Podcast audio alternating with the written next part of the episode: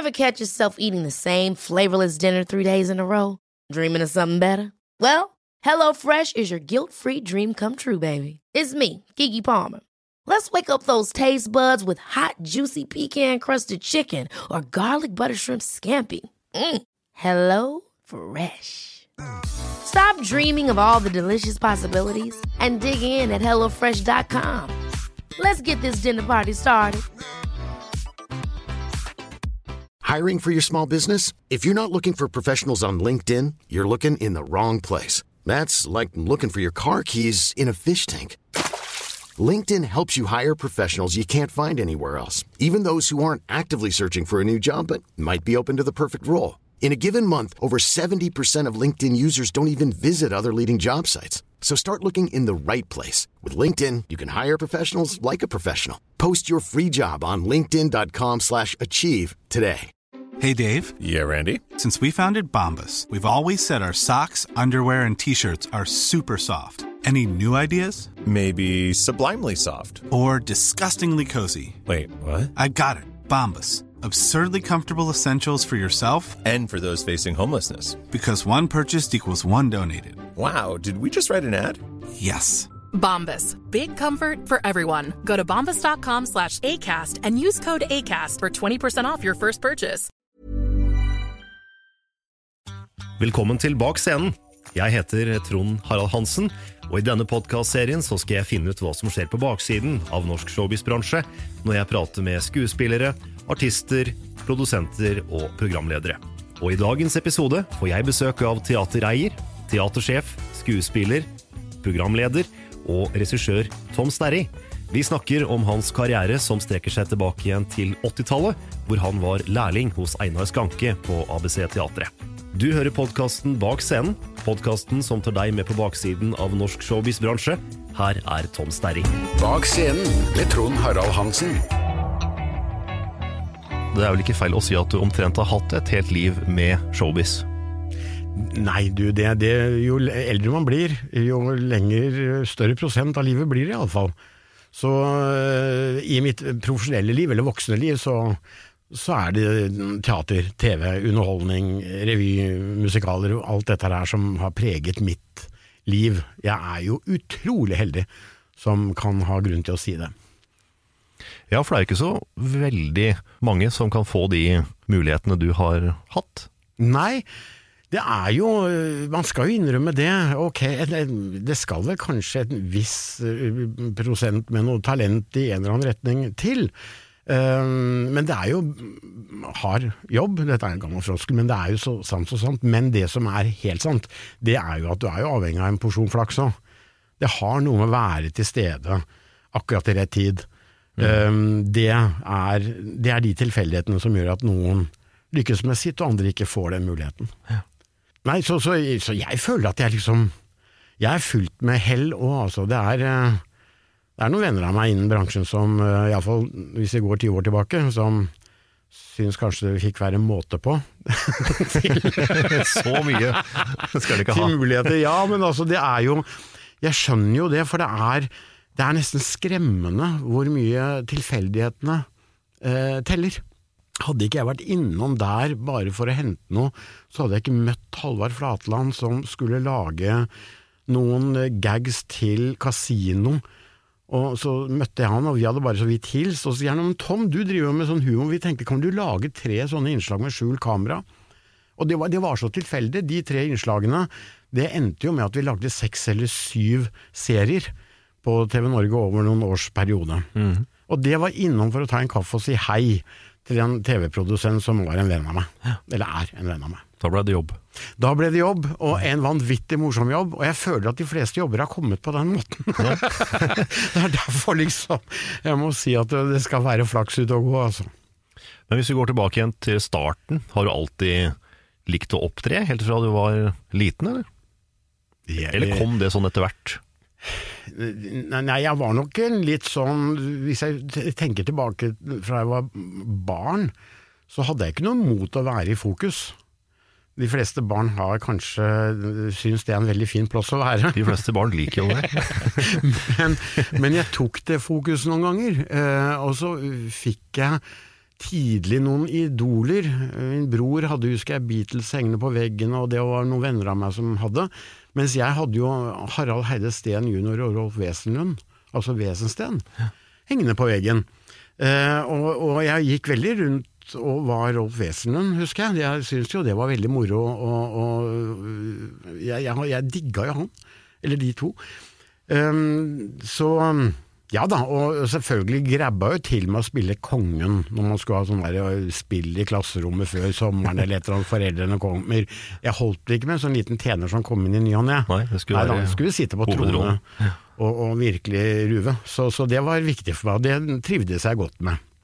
Og er jo veldig flink, eller var iallfall veldig flink til å ta imot komplimenter. Så når folk da syns at dette var litt gøy, da, for det ble en rar konge selvfølgelig, så, så, så syns jeg det var fine greier. Så kom det egentlig i, i speidersammenheng, så er det noe som heter leirbål. Noe som heter leirbålsunderholdning. Og der fikk jeg eh, da, da var jeg jo leder, så da er man jo liksom i slutten av tenårene, da. Um, men der fikk jeg muligheten til å være med og lage noe uh, gøyalt. Og for første gang sånn ordentlig opplevde at de der hundre speiderne som satt rundt det bålet på kvelden og så på lederne sine tørre å drite seg ut, de lo av det, men de, de lo av det jeg syntes var fint å le av. Altså De lo ikke av meg, de dreit ikke meg ut på en måte med sin latter. Og det ga en veldig mersmak, kanskje man var 16 år eller det med dette her, som igjen gjorde, når det var snakk om en revy på Nordstrand gymnas, som det het den gangen, Um, om jeg ville være med på revy der, så, så var det den speideropplevelsen på en eller annen strand på Tromøya i Arendal som gjorde at ja, dette vil jeg prøve for et uh, publikum.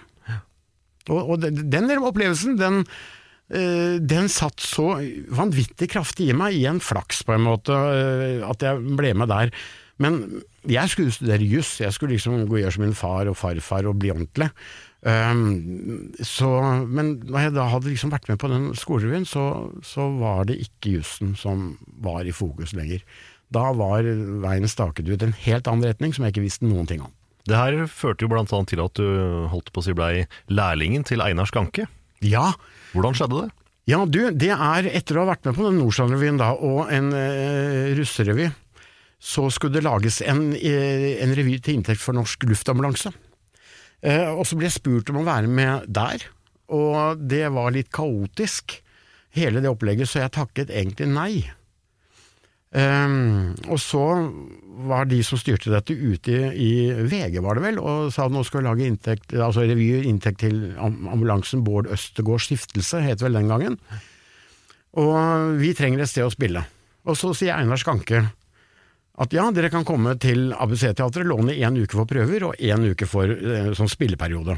Og det skal du få gratis. Han hadde selv blitt reddet av luftambulansen en gang i tiden, så det var hans måte å kunne gi noe tilbake.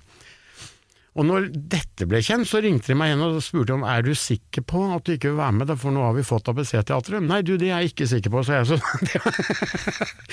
så igjen, en sånn så hang jeg meg på det veldig usikkert, og så var det var jeg med å skrive en del. Jeg sto på scenen og, og hadde jo en enorm erfaring med en skolerevy, en russerevy bak meg, jeg, så jeg ble spurt om å ta regi på dette her òg. Ja.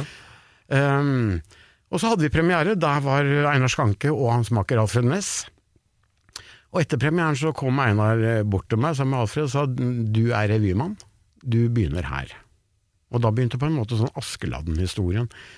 Um, at han var på premieren, ja det var hans teater, men han var mye ute og reiste òg, så det er igjen mye flaks og tilstedeværelse øh, til riktig tid.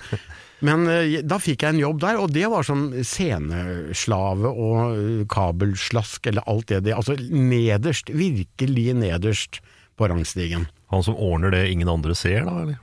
Han som gjør det ingen andre gidder. Altså, det, det er å tørke opp, øh, feie øh, sagflis og sånn etter snekkeren, klippe lysfilter, kaste søpla, tørke spy hvis en full publikummer har vært innom en tur. Altså, bare gjøre den der, det drittarbeidet. Men det var jo også den perioden jeg lærte mest, da. Er det ikke det vi kaller for potet? Jo, det, det om den var hardkokt eller bakt eller stekt vet jeg ikke, men jeg følte meg godt kokt noen ganger, altså virkelig. Men det var veldig interessant, fordi jeg vet ikke hvilken plan Einar hadde med dette her, men kanskje han hadde en plan, eh, fordi jeg fikk gjort så veldig mye som da ung på teatret. Eh, alt av lys, lyd, være med og bygge scenografi, eh, produksjonsassistent, produksjonsleder, regiassistent.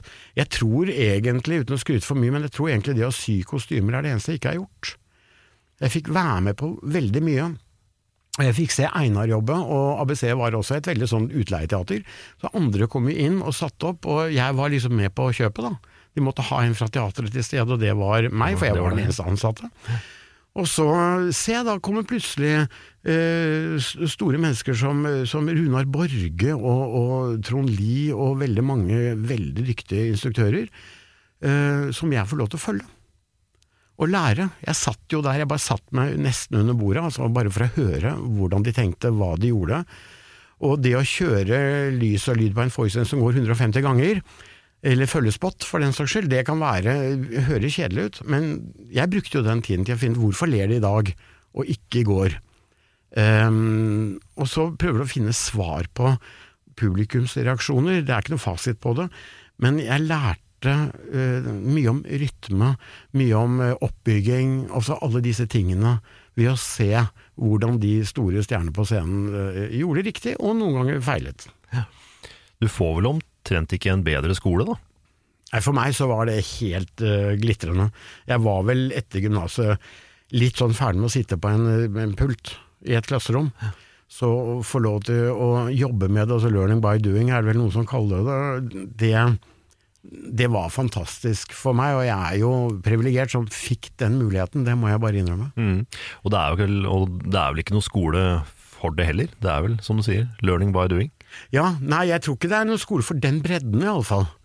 For du, du, Det er fordelen med egentlig en privatteater, for der er det ikke noen sånn regel om at produksjonslederen ikke kan få lov til å gjøre sånn og sånn. Altså, der må alle gjøre alt hele tiden. Så du får liksom du får tid til det, eh, og du får, får, muligheten til det. og når jeg overtok som teknisk sjef på det teatret, så tenkte jeg altså jeg vet ikke hva en lyskaster Jeg har jo aldri vært borti en lyskaster før, jeg har sett det lyse, men ikke ikke noe mer enn det. Så jeg tenkte nei, nå tar de, jeg har hengt her i 50 år, jeg tar ned alle sammen, og så bare plukka jeg de fra hverandre. Og så vasket jeg linser og reflektorer, altså alt sammen, og liksom oljet litt her og der, og satt det sammen igjen. Og ut fra det så lærte jeg hvordan en lyskaster var bygd opp. Hva er forskjellen på en profil og fresnel og flommer, altså alt det der som ikke forteller folk noen ting, men det fortalte heller ikke meg noe da jeg begynte. Men da skjønte jeg på en måte hvordan dette fungerer. Og sånn sneik jeg meg gjennom alle ledningene i lydanlegget også, bare for å se hvordan fungerer det, og, og hvorfor må det være sånn som det er, og hvordan kan vi gjøre det enda bedre. Så det var tilstedeværelse, og, så jeg var jo mer der enn hjemme. for det var, det var, på en måte hobbyen, ikke sant. Ja, Som hvis det er det du lever og brenner for, da, så er jo det Det er fantastisk. Det er jo ingenting som er bedre, liksom. Nei, du syns det ikke er kjedelig å sitte bak en mikrofon, ikke sant Jeg har, har vært mer på radio enn jeg har vært hjemme de siste ti åra. Ja, og da betyr det at enten har du da en helvetes sjef, eller så har du et stort hjerte for det du gjør. Stort hjerte for det jeg gjør. Ja, det må jeg bare sant. si. Ja, Mm. Men da, da, har vi noe, da er det noe likhetstrekk her. Mm. Ja. Hvordan var det å jobbe med Einar da? Var han enkel å lære fra, eller gikk han stort sett sine egne veier og du bare måtte henge på, eller åssen var det? Ja, du, det er både og. Eh, Det var eh, Han hadde jo kunnskapen og bare gjorde ting som en selvfølge. Um, og var jo ganske streng, altså. Ja, jeg følte meg veldig urettferdig behandlet noen ganger. Det må jeg si, jeg syns han ikke var noe gøy å ha med å gjøre. Men ingen kunne være så sjarmerende som han heller. Eh, så man holdt jo ut med det, men eh, hvis jeg spurte, så, så fikk jeg alltid et svar. Jeg husker han skulle sette sammen en revy, han sa det at nå i, i natt skal jeg sitte og lage rekkefølge. Og da spurte jeg om jeg kunne få lov til å være til stede.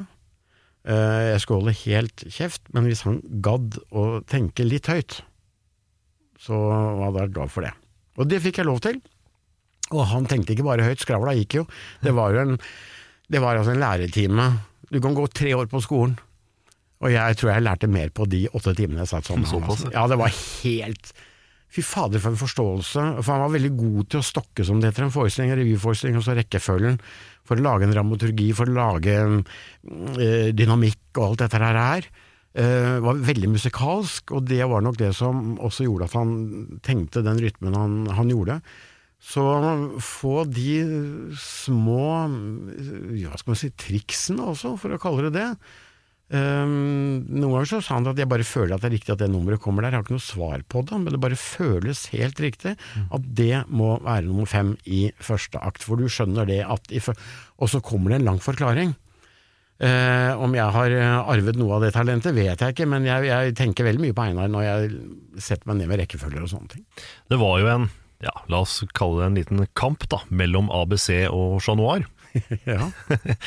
Hvordan opplevdes det fra innsida? Altså, jeg har egentlig på en måte litt inntrykk av at den kampen kanskje var mer mellom, mellom Skanke og Frøland enn det han var for alle andre. Du, ja, eh, jeg vet ikke hvor mye Frøland hadde imot Einar. Ja. Altså, Einar var jo Han begynte jo hos Einar, han også, som forfatter som tenåring. Og var med på scenen på et gledeshus og litt sånn, så han har mye å tanke Einar for. Mhm. Så jeg tror ikke han eh, hadde så mye mot Einar, men Einar syntes jo at eh, en sånn liten spirrevipp skulle komme og begynne å ta markedet fra han. Det var han ikke noe glad i. Så Einar var jo kanskje den mest hissige av dem, for å si det sånn. Ja. Eh, Men det, det preget litt den bransjen den gang eh, kontra nå, altså den gang hvor alle satt på hver sin tue og drev med sitt, og de hadde liksom alltid de samme skuespillerne, eller iallfall den samme gjengen. Det var Arve Oppsal og Elisabeth Grannemann, var alltid hos Frøland. Og mm, Jon Eikmo, ikke minst Øyvind Blunk, var hos Einar. Og så drev Jørg F. Ellersen med Dizzie Tunes og, og sånne ting, og så snakket de aldri sammen, på en måte, og så ble de Jeg ser på mine, kall det konkurrenter, som kolleger, først og fremst. Man er jo det. Ja, man er jo det.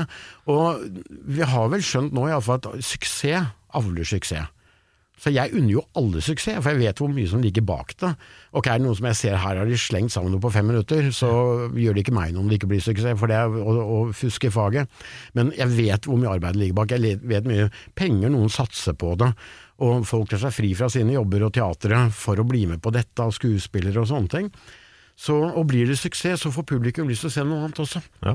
Så- han gjør jo det, ikke sant? Ja, så det er noe med at øh, det er ikke bare x antall mennesker som skal ut hvert år. Er det masse suksess i Oslo, så er det jo tre ganger så mange som går på teater enn de gangene hvor man ikke har så mange suksesser. Mhm.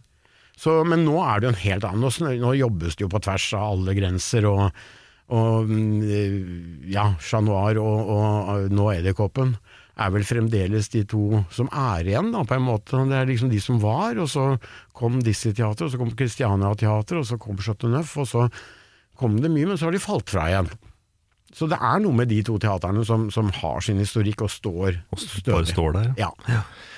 Man har jo også hørt historier om, eh, om hvor f.eks. Eh, Frøland snek seg inn på en skankerevy, eller omvendt, det er jeg ikke helt sikker på. Og så var det trampeklapp og jubel på de dårligste numrene. Ja, så han skulle påvirke hva Frøland skulle ha med, ja. Ja, men du, det forundrer meg jo ikke. Tror det var Dag Vågsås som fortalte det. At Ja, si, men han kjenner jo historien veldig godt, og jobbet jo veldig mye for Einar. Eh, og Dag og jeg jobbet mye sammen også, sånn at det, det Han har mange historier, han har så god eh, kapasitet oppi huet sitt. Ja, det er helt helt utrolig, altså. Han har så mye. ja, han er- husker jo alt. Altså han, Dag og jeg har gjort veldig mye rart, og, og han husker jo ting jeg har sagt som jeg har glemt. Så det er jo Han har en eller annen hjerne som fungerer veldig på den måten også. Ja. Men jo da, de var, de var beinharde konkurrenter. Eh, og det fortalte også Dag, eh, var jo en, det var vel også en Frøland, og skulle ringe Einar med en gang, da, etter en prøveforestilling. Eh, og når Einar tok telefonen, så sa han det, det var dårlig, vel? Altså Han ville bare at det skulle være dårlig. Det er helt fantastisk. Du, det er helt, det er helt vanvittig. Men det var kanskje litt av drivkraften den gangen. Man var, var eh, mer egosentriske på det, tror jeg, mm, og for å være kongen. Eh, og nå tror jeg vi prøver å løfte litt mer i flokk. Ja. Jeg syns det er flott det når Latter har suksess. Det er jo til alles Ja, fordel. Og når det er suksess nå med forestilling på, på, på, på eh, Edderkoppen, det er helt fabelaktig. Vi har det på Chat Noir, og jeg er veldig glad for det også. Mm. Så det er det. Vi må liksom få publikum til å like det vi driver med. Etter å ha vært uh, lærling en god del år, så overtar du jo. Ja, etter at Einar eh, døde, så var det ikke så veldig interessant for verken hans makker Alfred Næss eller Lollo, altså kona til Einar, å drive det videre. Det hadde vært de siste par årene ikke så veldig trøkk på det teatret, og de leide det jo av kommunen. Så um, jeg skulle ned der en gang, for jeg vil gjerne eh, leie det da, en høst til å lage en revy. Så kom jeg da til Alfred, da, og, og han sier ja, du kan øh, få det den høsten. Og det er jo et uttrykk man bruker, ja du kan få, altså leie den høsten. Ja fint, sier jeg, kan vi ikke bare skrive, finne en øh, leieavtale og, og skrive en kontrakt til det, men du kan få det. Ja, jeg hører det, og det er jeg veldig glad for, så da lager vi en kontrakt på det. Ja, men Tom, du kan få teatret. At det er sånn, Noen ganger så hører du en snakke veldig tydelig til deg, så, så skjønner du ikke hva vedkommende sier. Nei, du bare står og gaper. Hva er det du Ja, og så få teatret. Altså, ja, du kan overta leiekontrakten. Og så kan du få alt som er inni der. Det vil si, du låner det i to år. I tilfelle det går dårlig med deg, så kan ikke en konkurs, altså en sånn forretningsmessig greie, da, dra med seg alt, liksom. Men etter to år så kan du få det. Takk, sier jeg. Ja, nei, bruk, bruk tre dager og tenk på dette, sier han. Og jeg går ut av døren, og så bruker jeg tre sekunder, og så snur jeg døren og så sier ja, takk, det slår til på det? Ja, fader, tenk om man skal ombestemme seg i løpet av tre dager, altså, det hadde vært helt krise. Mye kan skje på de timene. Ja, og får du et sånt tilbud, uansett hvor teit du er når du sier ja, så si ja likevel, for du får jo aldri en sånn mulighet. Nei. Um, det oppdager man etter hvert at oi, det var ikke bare bare, altså, som han sa, du, du påtar deg en tradisjon som skal drives videre, og, det forventes av denne, denne muligheten du nå får. Men så lot vi det gå halvannet år før vi lagde en egen revy. Det var en periode da TV 2 ble etablert, så de var på jakt etter studio. Så vi hadde Holmgang og noe sånn bingolotto og veldig mye sånt som ble sendt derfra. De leide det som studio et år. Sånn at vi fikk litt ro på oss. Jeg fikk med to venner av meg til å drive dette her. Og så klinka vi til eh, i 94, var det vel, med, med du for Norge. Og det sa I all beskjedenhet må jeg likevel si at det sa pang når det sto en svær sekser på forsiden av VG. Så var det en pangstart på en eh, karriere som selvfølgelig har gått opp og ned, men eh, den har vel, vil jeg påstå, gått litt mer opp enn ned, iallfall. Mm. Hvordan oppleves det, da? Når du liksom får en sånn mottagelse på det som er det første som du lager sjøl, da? Ehm, da er det veldig viktig å stå fast med begge bena på jorden og beholde ydmykheten og takknemligheten. På en måte, for jeg skjønner at folk kan ta helt og bli konge i sitt eget hode. Ehm, det var helt eh, uvirkelig, egentlig. Eh, jeg håpet at vi skulle få ståkarakter. Eh, og at vi liksom Ja, men her eh, et par år til, og så kan du sikkert få til dette, Sterry. Altså en eller annen sånn greie. Jeg ante jo ikke. Det var liksom Første gang vi lagde en, en proffrevy, jeg har gjort veldig mange amatørrevyer, og, og der kan du eksperimentere litt mer, ikke sant? tørre litt mer, og det er bare kult. Eh, Men nå gjaldt det lønningene til folk, nå gjaldt det liksom, nettopp som jeg snakket om i sted, disse som tar seg fri fra sine jobber, faste jobber, eh, og kommer til meg istedenfor, for de stoler på meg, på en måte. Og de skal ha til salt i maten, de også. Det er liksom Det er veldig dumt å ta fri et år, og så ha jobb en uke, bare. Ja. Men når det skjedde, og, og det sa pang i billettluken, og det ble liksom fulle hus utover og full jubel, så øh, Og det er den første revyen. Jeg tror jeg aldri i mitt liv jeg kommer til å nå den høyden der igjen. Um, jeg har heldigvis fått seksere siden, heldigvis hatt fulle hus siden, men første gang er tross alt første gang, altså. Og da er det om, om å gjøre alle dere nye som hører på dette, som skulle oppleve det, ikke tro at det er hverdagen. Det er igjen mye flaks. Dyktige mennesker rundt deg. Du er helt avhengig av alle som er rundt deg. Også han som feier opp flisen etter snekkeren, og som rydder opp alle eh, filtre etter lysmesteren. Han, skal også, han er også viktig i en sånn produksjon. Og det er det jeg er så glad for med at jeg ble satt til alle disse jobbene. Noe var rene drittjobber og sånn fra, fra Einar. Men jeg tror at jeg har en forståelse for hvor skoen trykker for de fleste funksjoner innenfor et teater. Og det er nok veldig sunt at man liksom ser det fra alles ståsted, da. Ja, Og så er det noe med at er det lenge siden jeg har drevet med lys og lyd, og det er noe helt annet i dag enn enn den gang. Altså, jeg hadde ikke hatt sjans i dag. Men jeg kan i språket. Um, ikke bare uttrykket hva kasterne heter, eller hva søren det er for noe, men litt terminologien. Og da merker jeg at jeg får en annen respekt også fra de, da, da møter de deg med mer åpne armer. Det er som å komme til Frankrike vet du, begynner å snakke engelsk, så vil de ikke, men prøver deg litt på fransk, så er det oui, oui, da er de jo kjempevenner med deg med en gang. Mm. Så kan dere gjerne snakke engelsk etterpå. Og det er litt den samme funksjonen her, at uh, han prøver å være med oss. Og, og det prøver jeg virkelig òg, for det er så viktig. Det er så viktig at det er en forståelse med de som designer lys, lyd og alt dette. Altså, vi vet jo det hvor, hvor øh, ja, hva skal man si for noe, hvor flott lyd du kan sitte og høre. Det kan nesten være som du sitter med headset, altså når du sitter i en teatersal. Det er så klokkeklart, liksom. Og jeg vil gjerne at den lydmannen som jobber for meg, skal yte maks. Og vi møter han på alle mulige måter for å få til det. Du var så vidt inne på det i stad, du havna på TV, skjult kamera. Ja, Ehm, der gjorde dere mye rart, intervjua folk med grønnsaker og alt mulig rart. Ja, du, det var det det begynte med. Um, når Flatland ville ha noen uh, innslag til ja, noe, noe spørsmål eller hva for noe til kasino, så tenkte jeg ok, vi får, vi får gå tilbake da til det som var, og se om folk er lettlurte. Om, vi, om det går an å lage skjult kamera i dag òg. Uh, og den gangen husker jeg det var jo da noen som ble intervjuet med en sånn hjulvisp, og pratet eh, ikke sant, i, med Harald Tusberg og dette på 60-tallet. Tenkte vi begynner der, og så ser vi. Så jeg begynte med noe purre og noe sånn og banan og litt av hvert sånn, og intervjuet folk med det. Riktignok var det ikke skjult kamera, for de så at kameraet var der, på en måte. Vi var utsendt fra TV.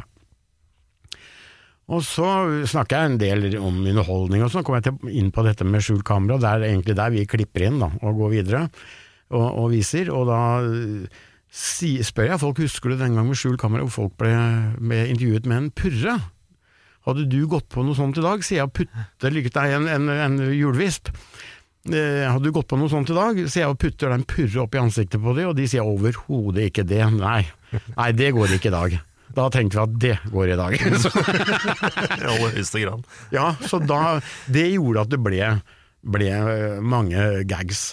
Eh, og noen var morsomme, og andre var ikke fullt så morsomme, selvfølgelig. Det var opp og ned. Men eh, vi hadde noen høydere som vi var veldig fornøyd med. Det her blei et eget eh, TV-program òg, det ble det ikke det? Jo, det var vel Jeg tror vi lagde seks eller syv serier av ti-elleve programmer. Vi holdt på en stund, altså. Eh, Så vi har, jeg tror vi har vært med å lage nærmere 100 sånne gags. Og det er vel noe av det morsomste eh, jeg har vært med på. Altså Det å lure folk er festlig. Det er Og særlig de du skviser inn i et eller annet hjørne som er, syns at verden bare raser sammen. Det er et grusomt øyeblikk, men jeg vet at jeg skal snart avsløre at dette er bare fleip, og da vet jeg hvor glad folk blir. Og da vet jeg at de skriver under med en gang at det kan sendes, for de blir jo så lettet. For det, altså, man må jo, iallfall var det sånn da, at vi må jo ha folks underskrift, og så få lov til å sende det. Regner vel med at det er slik i dag òg, vel? Ja, jeg ville tro det. Jeg vil tro det. Men da fikk jeg høre at der ligger Norge langt foran Sverige og Danmark altså når det gjelder velvillighet. For jeg, jeg, jeg kan komme på bare en Ja, det er veldig få av de vi lagde som vi ikke fikk lov til å sende. Og av veldig forståelige grunner. Det var jo det var jo eh, en, en sånn eh, fotoboks, sånn snakkende fotoboks, hvor jeg drev og pratet og ba folk at smile, og så ba de gjøre forskjellige ting. Um, og dette var to stykker som gikk inn der, da, en mann og en dame som hadde det så fint og var så forelsket, og, og, og kyssa og holdt på inn der. Og et ordentlig vått godt kyss. Og så fikk jeg det da, og de bare lekte, og det var sånn, de skjønte ikke at det var noe fleip, men det var noe glede i dette her. Og de lo fælt da de hørte at Skjult kamera syntes dette var veldig, veldig moro. Men vi fikk ikke sende det, for de var jo da på en måte gift på hver sin På hver sin kant. Det hadde gjort seg veldig dårlig Det hadde gjort seg veldig dårlig. Men det er jo nitrist da, når det er liksom så bra, så kan du ikke sende det. Ja, men, men jeg skjønte det. Det var liksom Noen ganger så, har vi, så overtalte vi litt. Vi hadde en avtale med et en kameraleverandør, så plutselig kunne de få et kamera til noen tusenlapper, eller iallfall en middag på byen for to. Hvis det lå akkurat sånn og vakte lite grann, så hadde vi litt å gå på. Ja. Men det som skapte, skapte egentlig kreativiteten når vi lagde disse her, var Jeg husker da vi kjøpte den der purren og bananen og, og noen andre ting. Jeg hadde vel kjøpt noen rekvisitter for 250 kroner, og da fikk jeg kjeft. For vi kunne ikke begynne å bruke penger på dette her. Nei, det skulle Så det skulle liksom være så billig som mulig, men det er jo begrensningene som også lager øh, kreativiteten, på en måte. Så det var veldig fin start når det da kom masse seere, og vi fikk gode kritikker, og det var flere hundre tusen som så på. Da kom også pengene inn, og da fikk vi lov til å bruke litt mer etter hvert. Jeg tror året var 2001, så er du med i en julekalender på TV 2. Ja! Da er du gymlærer, mener jeg du var. En sur og streng gymlærer. Forferdelig fyr! Olsenbanden junior. Ja, det stemmer det. Nå, nå røska det opp i en skuff som ikke har vært åpen på en stund, merket jeg. Nei? Jeg gikk rundt i sånn treningsdrakt. Og var Røyka bælfeit. pipe? Ja, og røyka pipe.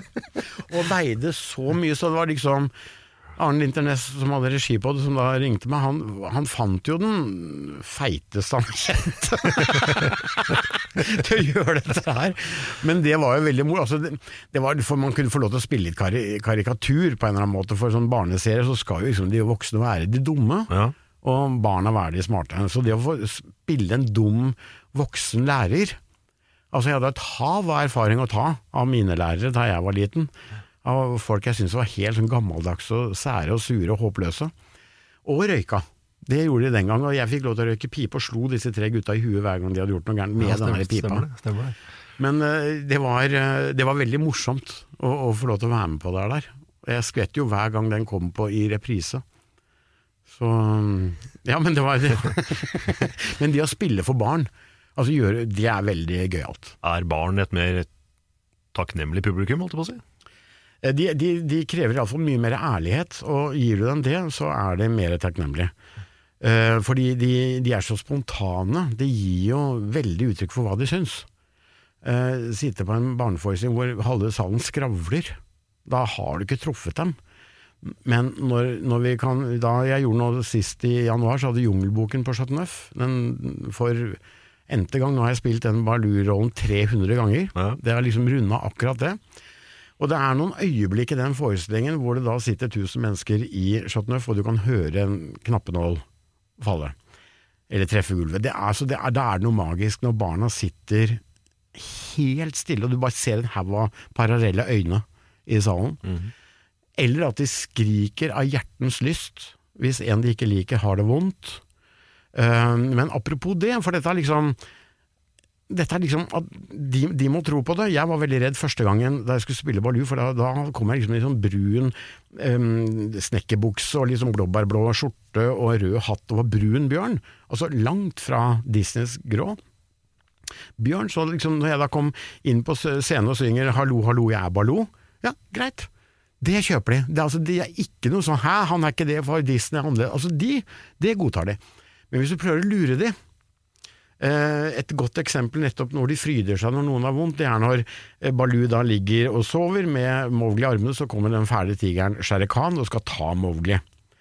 Og løfter bort den ene armen til Baloo, og Baloo da er i, sover jo, men streker seg litt og får armen sin rundt huet på denne tigeren. Så han kommer i skvis inne ned i albueområdet, på en måte. Og det funker i seg selv. Da får du liksom en he-he-he, nå tok vi han, liksom. Men de gangene jeg merket hvor jeg plutselig dro til, så det gjorde litt vondt for vedkommende som spilte Shere da brølte de. Det ser de. De ser med en gang om det er ekte, eller om det er fake. Så du kan aldri lure barn. Voksne lar seg lure, ja ja det er vel sånn, tenker vi. Ikke sant, på en eller annen måte. Vi godtar så mye. Barn godtar ikke. Du må bare helt, du må liksom gjøre det helt ekte. Hi, I'm Daniel, founder of Pretty Litter. Did you know cats tend to hide symptoms of sickness and pain? I learned this the hard way after losing my cat, Gingy. So I created Pretty Litter, a health monitoring litter that helps detect early signs of illness by changing colors, saving you money and potentially your cat's life. Pretty Litter is veterinarian developed, and it's the easiest way to keep tabs on your fur baby's health right at home. Go to prettylitter.com and use code ACAST for 20% off your first order and a free cat toy. Terms and conditions apply. See site for details. I'm Sandra, and I'm just the professional your small business was looking for. But you didn't hire me because you didn't use LinkedIn jobs. LinkedIn has professionals you can't find anywhere else, including those who aren't actively looking for a new job but might be open to the perfect role, like me.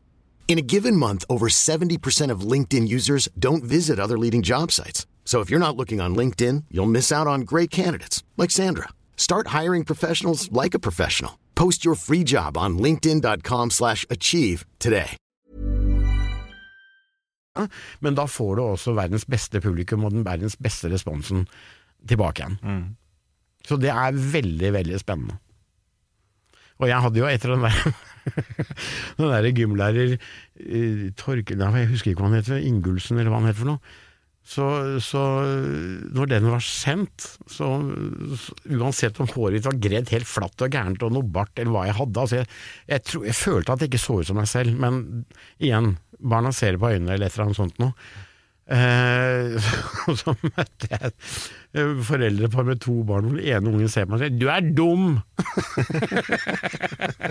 Avslørt. Og da Jo, men da er det liksom Det tok jeg som en kompliment. Da Mm. trodde han på meg som denne denne gymlærer Ingulstad, ja, et eller annet sånt noe. Så det var et kompliment å høre at jeg var dum. Men det her sier vel også litt hva slags eh, tid vi var i, i 2001, hvor, hvor veldig mange flere yngre så på barne-TV. Ja. Jeg tror ikke det er så lett å bli kjent igjen i dag. I dag har jo barn eh, altså de sitter med en iPad fra de er et halvt år gamle. Er Ja. liksom, De har andre inntrykk, da. De har, de har så mange kanaler å velge fra, uh, i aller høyeste grad. De sitter dessverre veldig mye hjemme. Nå skal ikke jeg hive meg ut i en debatt om det, men, men um, ja. Det, det- det er det ene etter det andre de kan trykke på og få, få underholdning uh, hjemme på. Uh, om barne-TV er liksom sunnere. Før så liksom var det bare én kanal. Så igjen, de som higer etter å bli veldig kjent og blir liksom norgesstjerner og sånne ting. Du har ikke sjans til å konkurrere mot type Heide Steen, Rolf Wesenlund, eh, Leif Juster. Altså, det var én kanal, og bare de på den kanalen, på en måte. Så du kan være kanskje like stort talent i dag, men du har ikke sjans. Du kommer ikke i nærheten engang. Når ikke gjennom på samme måten. Nei, det, det gjør du ikke, så den er bare å gi opp den derre Hvis noen har planer om å skulle bli den nye sånn og sånn, så bare slapp av. Kos deg med det du gjør, og, og la det være med det. Absolutt, altså. Og det gjelder jo barn også, det. Selvfølgelig noen Du har liksom Jul i Blåfjell og, og, og noen sånne ting som kanskje fremdeles trekker veldig, veldig mange av disse julekalenderne og, og programmene, men uh, det er konkurranse over det hele. Rett etter det her så blir du jo um, hotellsjef, var det ikke det? I Hotell Cæsar. Som Harry. Harry Trulsen. Ja, det er også Han likte jeg. Han ga så F han at jeg likte han, på en måte. Det er jo Det var en veldig morsom jobb, må, måte å få jobb på òg. Fordi en venn av meg som jobbet der Nå kjente jeg litt til Eller jeg kjente jo da eh, Vikander og Falk, som lagde eh, serien. Og så mm, var det en venn av meg som var ansvarlig på Cæsar, som ringte meg. Du, jeg har tre skuespillere vi vurderer til en rolle. Det er han og han og han. Eh, hva kan du si om de? Mer sånn talentmessig, og, og hvordan de er å jobbe med. Og så var dette tre vidt forskjellige, eller var det fire, ja, det spiller ingen rolle, eh, skuespillere. Så jeg sa i all verden, hva slags karakter er dette? For de spør om Fire var det. Helt vidt forskjellige. Eh, jo, han er sånn hotellfyr som eh, sitter og forteller vitser på styremøte og spiser seigmenn og gir litt F i alt eh, det, det der formelle og Å ja, så han er litt sånn som meg, da, sa jeg. For jeg er jo litt der, da. Så å sitte og høre på mye av solgt av popkorn på styremøtet, det er ikke min eh, store glede. Sånn at eh, Ja, og så snakket vi videre, og så dagen etter ringte han og sa du, jeg snakket med Peter og Kristian, altså disse to som skapte serien, og de syntes det var en kjempeidé. Ja, hva da, sa jeg. At du skulle spille denne Harry Trulsen. Og det var sånn Ja, men det var ikke derfor han ringte, og jeg, tenkte, jeg foreslo ikke meg selv, på en måte, jeg ville bare vite hva slags karakter. Og så, ja, kan jeg få lov til å tenke litt på dette? Altså Teatersjef på Chat Noir skal spille i Hotell Cæsar, er dette, er, rimer dette?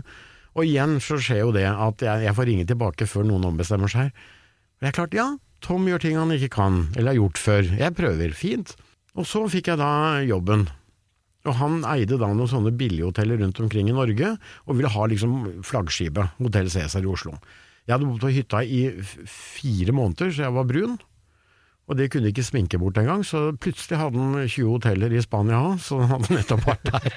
Så enkelt er det liksom å tilpasse, da. Ja, ja. Men da fikk jeg lov til å gjøre Harry Trulsen. En gøyal fyr. Trivdes veldig, veldig godt der, og, og det at jeg skulle være der ett år, at jeg ble i Cæsar i ti år, det, det hadde jeg ikke drømt om. Nei, for etter å ha spilt han, så ble du også regissør. Så ble jeg spurt om å ta regi, og det syns jeg var fantastisk morsomt. Det var en av de greiene som gjorde at jeg gikk mye mer over til å ta regi og produksjon og være med å skrive, enn å nødvendigvis stå på scenen. Eller foran skjermen selv. For jeg har liksom fått lov til å gjøre det, og følt på det, og syntes det har vært veldig morsomt. Men det å være med å lage var fabelaktig. Så da ble det en del eh, regi. Og så, dessverre, så, som alltid har skjedd med Chat Noir, nei, hør på meg, nå går det i, i Hotell Cæsar, så, så var det en periode hvor seertallene gikk ned. Og da skulle de bytte produsent, og så ble jeg spurt om å være produsent. Og jeg har aldri produsert noe i TV før, og får da spørsmål om å være produsent for per definisjon Norges største produksjon, hvis du liksom deler alle NRK-produksjoner opp i bare produksjoner, og ikke ett, selvfølgelig. Og tenker, ja, de som spør meg, de kjenner meg jo, og de kjenner Cæsar godt, så når de tror og mener at jeg skal klare det, så gjør jeg vel det da, kanskje. Men igjen så, ja da. Vi prøver ting vi ikke kan. Vi prøver ting vi ikke kan igjen. Og, og hadde et møte med disse svenske TV-kongene, og, og så sa jeg kan jeg, jeg må få en stillings... Hva heter det for noe? Stillingsbeskrivelse, eller hva det nå kaller det. Og da fikk han på den restauranten vi satt, så fikk han en serviett og så en penn, og så sto det 'få opp TV-sifrorna'. Altså få opp seertallet. Det var min. Ja, men hvordan? Nei, det var helt opp til meg. Ehm, og da begynner du på et eller annet, og tenke, får inn veldig riktig person til å ha ansvar for manus. Um, og snakke med alle skuespillere og regissører, her må vi løfte, her må vi gjøre en endring. Og så gjør vi en snuoperasjon, og den er ikke mer genial enn at vi faktisk går litt tilbake. Altså back to basic-tanken. Den hadde liksom begynt å sveve litt, det var litt mye kokain og sex og ikke barnevennlige ting. Og så ser vi, det tar jo lang tid uh, før det er spilt inn til det vises sånn, så etter et år, halvannet, så begynte seertallene, så var vi oppe igjen faktisk høyere enn der det var før det begynte å synke. Det skjedde jo en stor endring fra 2005 til 2006. Det var da liksom alt dette med kokain og Ja. narkotika starta. Ja. Mhm. Og det er øh, Da prøvde noen å lage Cæsar som noe annet enn Cæsar, på en måte. Lage et, øh, et øh, hverdagsdrama, sosialt drama, eller hva de prøvde på. Altså, Cæsar er Cæsar. Øh, Det har sine egne nøkler. Og skal det funke, så må han holde seg til visse regler. Og her var det da noen som prøvde på noe annet, og det har vist seg et par ganger hvor man har prøvd på noe annet, at det ikke funker. Det vil ikke fansen ha. Nei, de vil ha Cæsar som det er, og det, det er så viktig å ta seerne på alvor på den måten. Det er akkurat som du går i teater, det, er samme publikum som går i Nationaltheatret som går på Latter eller på Chat Noir. Men de er en helt annen innstilling når de skal inn i Nationaltheatret, enn når de går inn i Chat Noir. Da er det noe annet de forventer seg. Og du skal gi folk, det viktigste er å gi folk det de forventer seg, men gjerne pluss litt til. Men det folk forventer seg, må de iallfall få. Tar du bort det, og dette gjelder om det er TV eller teater, eller hva det er for noe, så, så mister du det, rett og slett. Og det var det som skjedde da. Så, men da var det typisk, da når jeg var ferdig med det, og seertallene var oppe, så var jeg, da våknet Teatermannen. Da hadde jeg på en måte vært sånn Ja, men nå har jeg, nå har jeg hatt premiere. Nå har vi liksom har fått det til. Målet er nådd. Da kan ikke jeg sitte her. Jeg er elendig driver, drifter. Nå vil jeg videre. Ja, jeg, jeg er nok mer en gründertype, som vil ta tak i ting og snu ting, eller starte ting, eller sånn og sånn. Men når dette, den vanskelige jobben, å ta, ta tak i noe sånt, og drifte det videre så det utvikler seg pent videre, det, det er ikke min sterke side, altså det må jeg bare innrømme. Nå blei jo studio nedlagt ved årsskiftet omtrent, og serien går, går vel ikke på TV i det hele tatt, den går vel på TV2 Sumo, så er det Ja. noen småklipp på Facebook. Var det på tide å avslutte etter omtrent 20 år? Ja, altså Jeg sluttet der i 2012. Ehm, og det er klart Allerede da merket man vel at det, det, det begynte å nærme seg et litt sånn metningspunkt også. Uh, det kom nye inn, uh, som skulle drive historien og alt dette videre.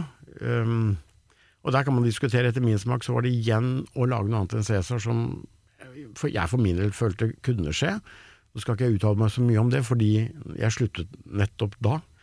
Men da opplevde de et ras av seertall som jeg tror Jeg tror ikke man hadde klart å få det opp igjen. Jeg tror metningspunktet for seerne og for publikum var nådd, på en eller annen måte. Um, og at Cæsar eh, kan liksom ikke moderniseres på samme måte som når du setter i gang en helt ny serie.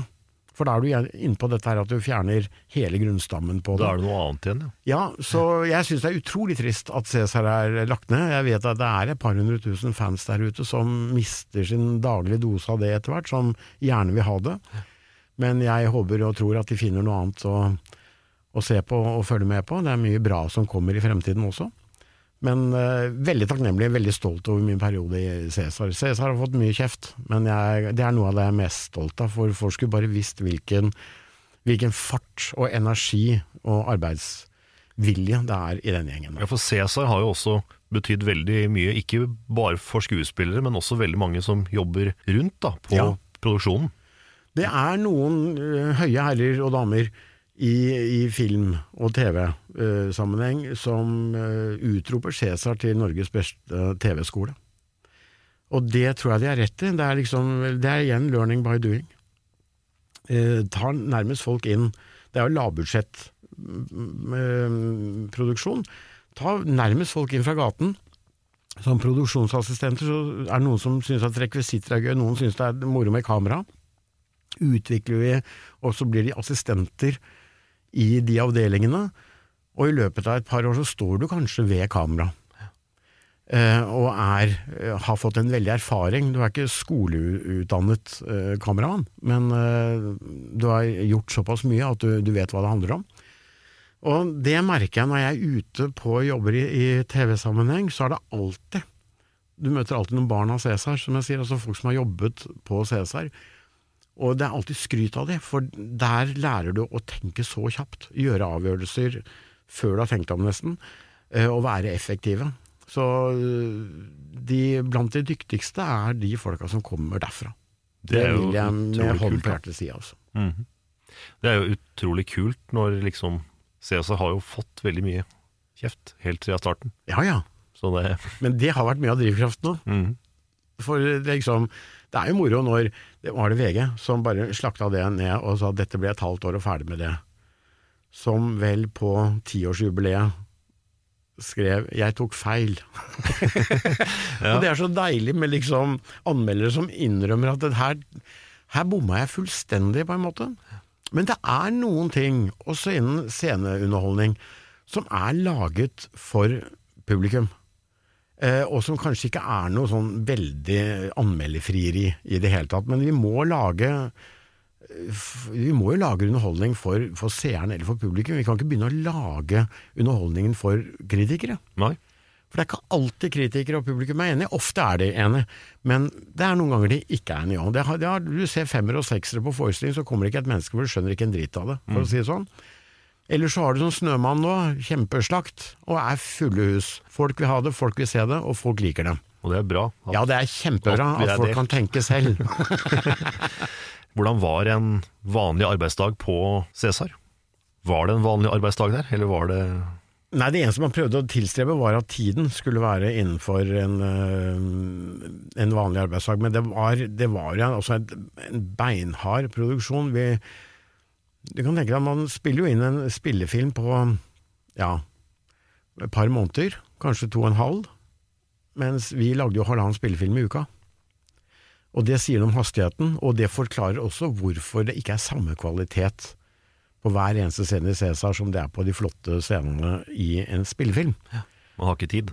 Nei, du, du må liksom bare rett og slett få historien frem, på en måte.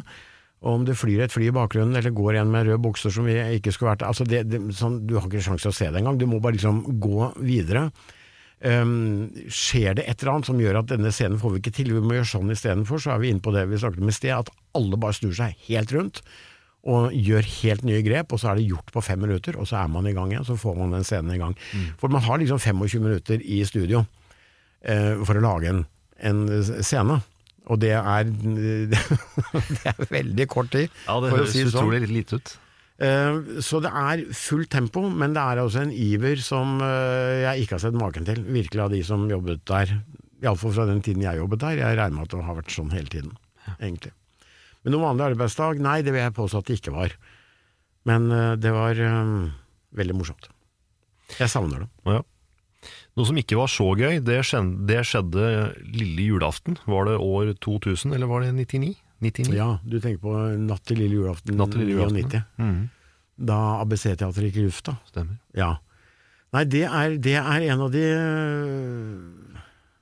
Ja, det er en av de verste dagene i mitt liv, for da, da opplever man plutselig nettopp det at det som jeg kalte mitt annet hjem, viser seg egentlig å være det første. Jeg var jo mer der enn en hjemme. Og man blir så glad i sånne steder. Det var et rart, lite, sånn småmøkkete Vi holdt det rent, da, men allikevel, du vet også det er med sånne gamle ting. Og det var skeivt, og det var snodig. Men det var så sjarmerende, det teatret der sånn. Så det er først når liksom den katastrofen skjer at du oppdager hvor glad du kan faktisk bli i et bygg, altså. og så var det hele min utdannelse foregikk inni der. Ehm, og det var dessverre Det var så kraftig, uh, den eksplosjonen, at det var liksom ikke til å redde i det hele tatt.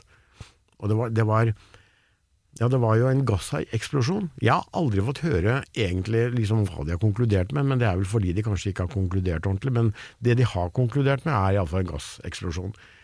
Og ikke visste jeg at gass, hva var det han sa, han brannmannen, hadde 26 ganger stor eh, sprengeffekt som dynamitt. Du vet de der små blå propanboksene du har til å liksom ta av smøring på skia og sånne ting. Hvis du har, som han sa, hvis du har det i kjelleren din på hytta, på fjellet, og det går hull i den, og den blander seg riktig mengde luft, så er den mer enn nok til å blåse hele den hytta av bakken. Det er altså så mye kraft. Så har dere gass, det må lagres ute. Langt fra folk. Ja, iallfall ikke en kjeller, for det gass det oppfører seg som vann. Altså det, ja, det blir et basseng i kjelleren. Eh, Sånn at det var jo hele scenen med all armering og scenegulv som hadde løftet seg halvannen meter. Det var en svær eikedør som blåste gjennom foajeen og gjennom sånn gitter, sånn jerngitter, og ut på St. Olavs plass. Det var en svær som, Den må veid et tonn, halvannet, en diger sånn jern... Hva skal man, platting på scenen som lå på balkong. Men det rare var, oppi alt dette her, at på en pidestall så hadde jeg nettopp eh, kjøpt originalen av Leif Juster, som står utenfor Chat Noir, men dette var da en liten versjon, som er vel en 30 cm høy eller et eller annet sånt noe. Jeg hadde ikke fått skrudd den fast ennå. Så den sto løst oppå en pidestall, midt i foajeen hvor dører og alt hadde flagra veggimellom. Den hadde ikke rikket seg en millimeter. Det er helt utrolig. Ja, det er helt vanvittig. Altså, det var ikke engang dynamitt skulle få Juster ut av det teatret. Han skulle stå der, han. Han skulle stå der. Og da blir man jo øh, religiøs, nærmest. Når den, det, alt annet er borte, det er fliser fra veggene, altså, det er bare borte. Og der står han, og vinker, og ja, det er like blid. Så den tok jeg med hjem altså. da. Det var, det var nesten litt sånn øh, magisk. Nå, nå, jeg er jo litt overtroisk, jeg liker å være det i teatersammenheng i alle fall, men, øh, men da, da skjønte jeg ikke helt. Jeg fikk en eller annen forklaring fra en brannmann om trykk. Som kan, når det blir like sterkt fra alle kanter, så rykker det ikke. Altså Det eneste du kan knuse det, hvis det er en melkekartong. Liksom. Men, øh, Imploderer istedenfor Ja. eksploderer, omtrent. Ikke sant? Men at Juster sto der, det Ja, det var nesten litt sånn litt flott oppi det hele. Mm. Når jeg fortalte det til de som eide eh, bygget rundt og sånne ting, så var det sånn Ja, nei, da må det, må det, vel- da må det vel være Forbli-teatret her, da. Altså Det var nok sikkert med på å påvirke at man bygde hele greia opp igjen. Ja. Den kvelden det her eh, skjedde, så var du på julebord, var det ikke det?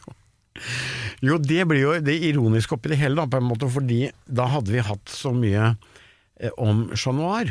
Både på TV og i aviser, jeg vet ikke, det kan, det kan ha vært noe jubileum, eller hvorfor, men det var iallfall veldig mye om det. Og jeg drev i eh, romjulen og solgte fyrverkeri sammen med min bror, så vi hadde gjort klart det eh, til lille julaften. Og jeg hadde tatt med meg noe for å ha med på nyttårsaften selv, så jeg drar jo inn på denne restauranten med masse fyrverkeri. og så setter vi oss ned, og så har vi først et styremøte, da. Og så skal vi ha styremiddag, julebord, på en måte, den kvelden. Uh, og det, det vi konkluderer med, er at ok, nå fra nå av må vi konse oss om ABC-teatret, og sørge for at det også kommer på forsider eller i aviser og på TV og sånne ting. Så tar jeg alt fyrverkeriet mitt og går, og så sier det pang fire-fem timer etter. Og gjett om det kom på forsider og aviser, og jeg hørte til og med av venner i Sverige at det var på svenske nyheter og i det hele tatt. Det var det, ja. Ja, så det ble en svær, svær nyhet. Naturlig nok. Hvordan var den tida etterpå, da? Når man skal begynne å rydde opp i det her, man skal begynne å, å få det her opp igjen? Det, det, var vel egentlig litt uh, starten på et veldig tøft år for meg. Når jeg ser tilbake på det, år 2000 for meg er vel mitt psykiske nedturår, for å si det sånn. Uh, vi hadde en offentlig krangel med en artist, som da ble i aviser og sånne ting, og så skjer, skjer dette med ABC-teatret.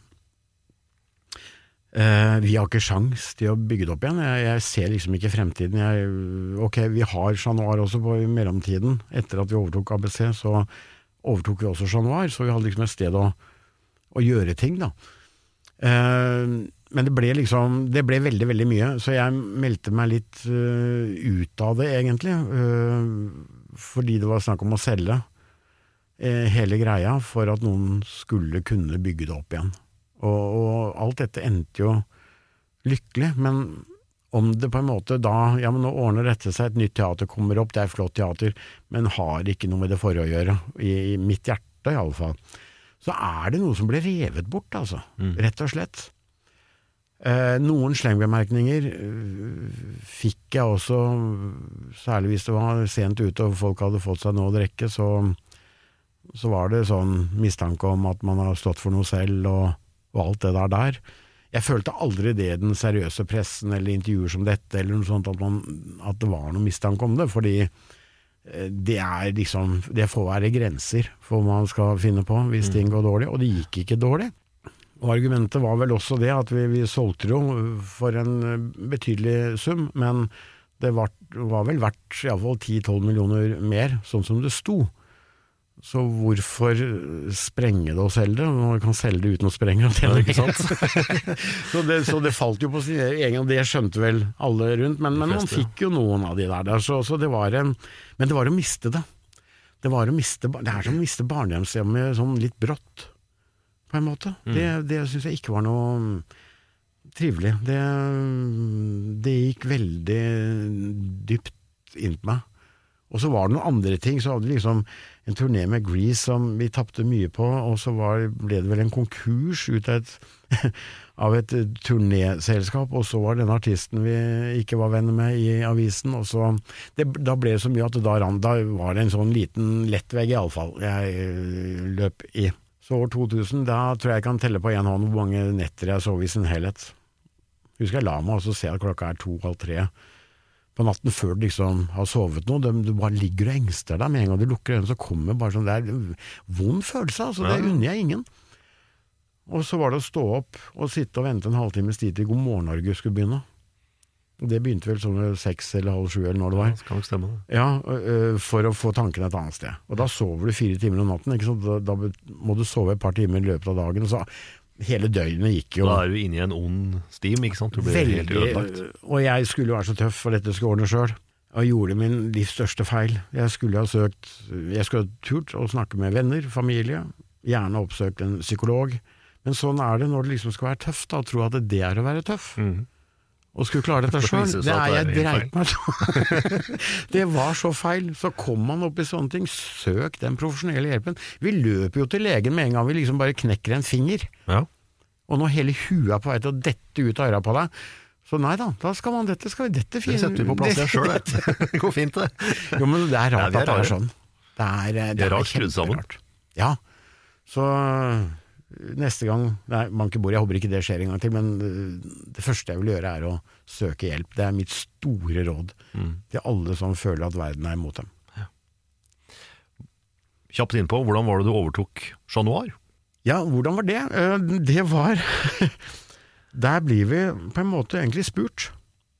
Fordi kommunen ville ut av Chat Noir, det kostet dem for mye, og de, de, det var ikke deres jobb å drive Chat Noir, det ble drevet av Oslo Nye, men eierskapet av kommunen. Så du skulle ikke mer enn én øh, suksess til, med sekser i VG på forsida og femmere eller altså alle var med og backet oss. Så kommer det en en telefon fra kommunen om vi kan være interessert og drive revy, revyen videre på Chat Noir òg. Og vi går i forhandlinger, og nå er det andre var det, ikke, det var ikke min sterke side, men øh, vi øh, sånn sett samlet. Og plutselig så satt vi med det. Og plutselig, altså, plutselig sitter du med de to privatteatrene som var i byen, på en måte, hadde du inntrykk av. Iallfall de to, øh, de gamle, de tradisjonelle. Og det, det var jo Det var veldig morsomt, øh, men da ble det også for mye, på en eller annen måte. For du skulle drifte to steder, øh, og det er ikke noe vits i. Det holder med én. Det er liksom Det er nok bekymringer der, si. Ja, og ok, går det dårlig et sted, så kan det gå bra det andre sted, og så går det opp i opp, eller så kan det gå begge, bra begge steder. Men det kan også gå dårlig begge steder, og da sitter du deep shit, altså. det er ikke noe støtte å liksom søke om fem millioner i underskuddsgaranti fra noen. det, det eksisterer jo ikke. Nei. Sånn at eh, det var, eh, det var å gape høyt. Um, så ble det da dessverre en For vi overtok jo per 1. januar 96 januar. Og så gikk det jo ikke lange tiden, da. Litt over tre år, eller nesten fire år, før eh, ABC gikk i lufta. Og vi gikk ikke inn igjen og, og drev det. Jeg var med og, under oppbyggingen og var med å lage åpningsforestillingen på Edderkoppen. Og så var det Chat Noir, og, og kun et teater. Det, det holder, holder Hvis noen har planer om å overta noe teater, det holder med ett. Det er, eh, hvis du ikke er en institusjon da, med flere scener, det er noe helt annet. Men, nei, du, det, det var, eh, men det var spennende. Herregud, altså det er jo ikke kjedelig iallfall. Det kan gå opp og ned i den bransjen, kjedelig er det aldri. Nei, ja, det, det er bra. Men Chat Noir har jo også my utrolig mye historie. Ja. Nå er det jo fylt 100 år for åtte år siden? er ja, det var i 2012. 2012, ja. Ja, så det er vel fem, eh, fem år siden, er det vel det? Hvis jeg regner riktig, ja. Samme år som eh, Titanic gikk ned, altså 1912, eh, ble det åpnet. Og det er, ja, det er en lang historie. Eh, Der sitter det så utrolig mye i veggene. Det sitter så mye i veggene at en av de som sitter i veggene, er faktisk ute og tusler litt på natterstid også på, på Chat Noir. Jeg har bare hørt vedkommende, men jeg har veldig troverdige medarbeidere og venner også som, som har sett dette mennesket, og det, jeg digger jo det, da. Er det lov til å spørre hvem det er? Du, jeg er ikke så sikker, for det er så mange som sier at det er Lalla Carlsen, for det er så naturlig å tenke, for hun er kanskje dronningen av Chat Noir gjennom tidene. Boken Lasson startet det hele, Eh, men det er en dame. Det har til og med jeg hørt på de, de litt sånn stillhet-hele-klikkene. Um, men jeg tror heller kanskje Jeg ynder jo å tro at det er litt sånn som det var på Edderkoppen. Uh, der var det en gammel billettkontrollør, en dame, som gikk igjen. Og spurte Juster om det, han hadde jo truffet henne. Jeg fløy jo rundt i mørket der nede natterstid og lette. Hallo, altså, for jeg vil gjerne møte disse, ja, men da, da får du kanskje ikke møtt dem. Nei, det kan nok være det, at det er litt sånn at de kommer litt overraskende på. Ja. Du, du får ikke se dem hvis du vil, men Nei, for jeg ikke har også sittet i Chat Noir, og jeg er ferdig med prøver og lysprøver og alt, og klokken er ett-halv to på natten. Og jeg sitter og tenker jeg, nå skal jeg sitte og notere etter dagens øh, prøver. Jeg kan like å sitte her som å dra hjem og gjøre det. Og sitter med håp om at det skal gå i en dør, og at det skal øh, komme noe. Så jeg kan få høre hvem er du, hvorfor er du her? For jeg, jeg tror ikke det er noen som vil noe vondt, da hadde jo det teatret vært i ruiner for lenge siden. Så jeg, jeg tror liksom det er sånn operafantom. ikke sant? Hvert teater har jo sitt fantom, og det tar vare på teatret. Så det er jo en venn. Så jeg, det er jo ikke en eller annen med, med sabel som skal hugge av med huet. Jeg er jo ikke redd for det. nei. Men det er den overtroen som er litt Den er litt trygg noen ganger, rett og slett. Nå går vi snart inn i 2018, om ikke så lenge. Hva er eh, planene da? Ja, for min del så er det jo Da er Chateau Neuf eh, og Grease eh, den kjente musikalen som vi skal gjøre Som jeg skal gjøre for tredje gang. Og det er en utfordring. Man tror liksom at da blir det veldig lett, men du må liksom gjøre noe nytt fra gang til gang. Og du må ikke gjøre noe nytt bare for å gjøre noe nytt, du må liksom gjøre noe nytt fordi det Må trengs noe nytt. Ja. Drivere. Ja, ikke sant. Og det, men det gleder jeg meg til. Det er en veldig veldig flott gjeng som, eh, som skal være med. På scenen og eh, rundt scenen, og veldig bra team. Så jeg tror det blir skikkelig rock'n'roll party av 1959 mm, der oppe. Så, mm, og så er det et par enmannsforestillinger som skal i havn før det, og ja, det er jeg er veldig heldig. Jeg eh, bestemte da jeg var 50 år at nå skal jeg eh, jobbe litt mindre og leve litt mer. Det klarte jeg å gjennomføre et par-tre år etter. For jeg har nok hatt en tendens, på grunn av rett og slett at jeg elsker det jeg driver med, men en tendens til å løpe etter deg selv. Ikke sant, og aldri få vært ordentlig i det. Du har liksom jobbet med tre ting samtidig. Ehm, og, og tenkte at nei, nå skal jeg Jeg er jo heldig som får masse tilbud, eller iallfall får tilbud. Nå skal jeg bare jobbe med ting som høres hyggelig ut og morsomt ut, og med folk som ditto, ikke sant. Og det er jo massevis av det òg, så det ble ikke så veldig mye mindre jobb egentlig, men altså det, ble, det er så veldig behagelig, det er så bra folk. Ja, ikke sant? Sånn at um, det stresset etter å ha liksom, Når det har Grease forrige gang gjorde Grease, så gjorde vi det i Oslo Spektrum. Og liksom det gjennomkjøring av det, og opphavsmannen av Grease kommer fra statene og ser, og er veldig, veldig begeistret og vil invitere meg ut på middag og snakke om hvor glad han er for det han har sett. Så kan jeg liksom bli med med suppa, liksom, eller så må jeg gå hjem, for jeg må se fem episoder av Cæsar, som jeg da skal opp på Cæsar morgenen etter og gi tilbakemeldinger på, som de må gjøre om, for de måtte alltid sånn, klippe om litt sånn, for så å løpe ned og ha prøver i Spektrum igjen. Og etter det, igjen, istedenfor å ta det glasset med vin og ha den derre timen med å være i det, at han som eier det er veldig fornøyd på vegne av han som har laget det. Jeg har ikke, hadde ikke tid til det. Og det vil jeg nå. Nå vil jeg gjøre én og én ting av gangen. Og har jeg tre ukers mellomrom hvor jeg ikke har noe å gjøre, da fikk jeg jo helt fullstendig hetta før. Nå syns jeg det er kjempedeilig å dra på hytta, eller så drar jeg, drar jeg et eller annet sted. Eh, for ja, når det er nok å gjøre, så har du råd til å ta deg fri litt innimellom. Og du trenger det. Absolutt, man må jo lade opp igjen. Ja. Kjempehyggelig at du hadde lyst til å være med her en gang til. Du, dette var kjempehyggelig. Veldig koselig. Takk skal du ha for at jeg fikk lov til å komme her. Bak scenen med Trond Harald Hansen.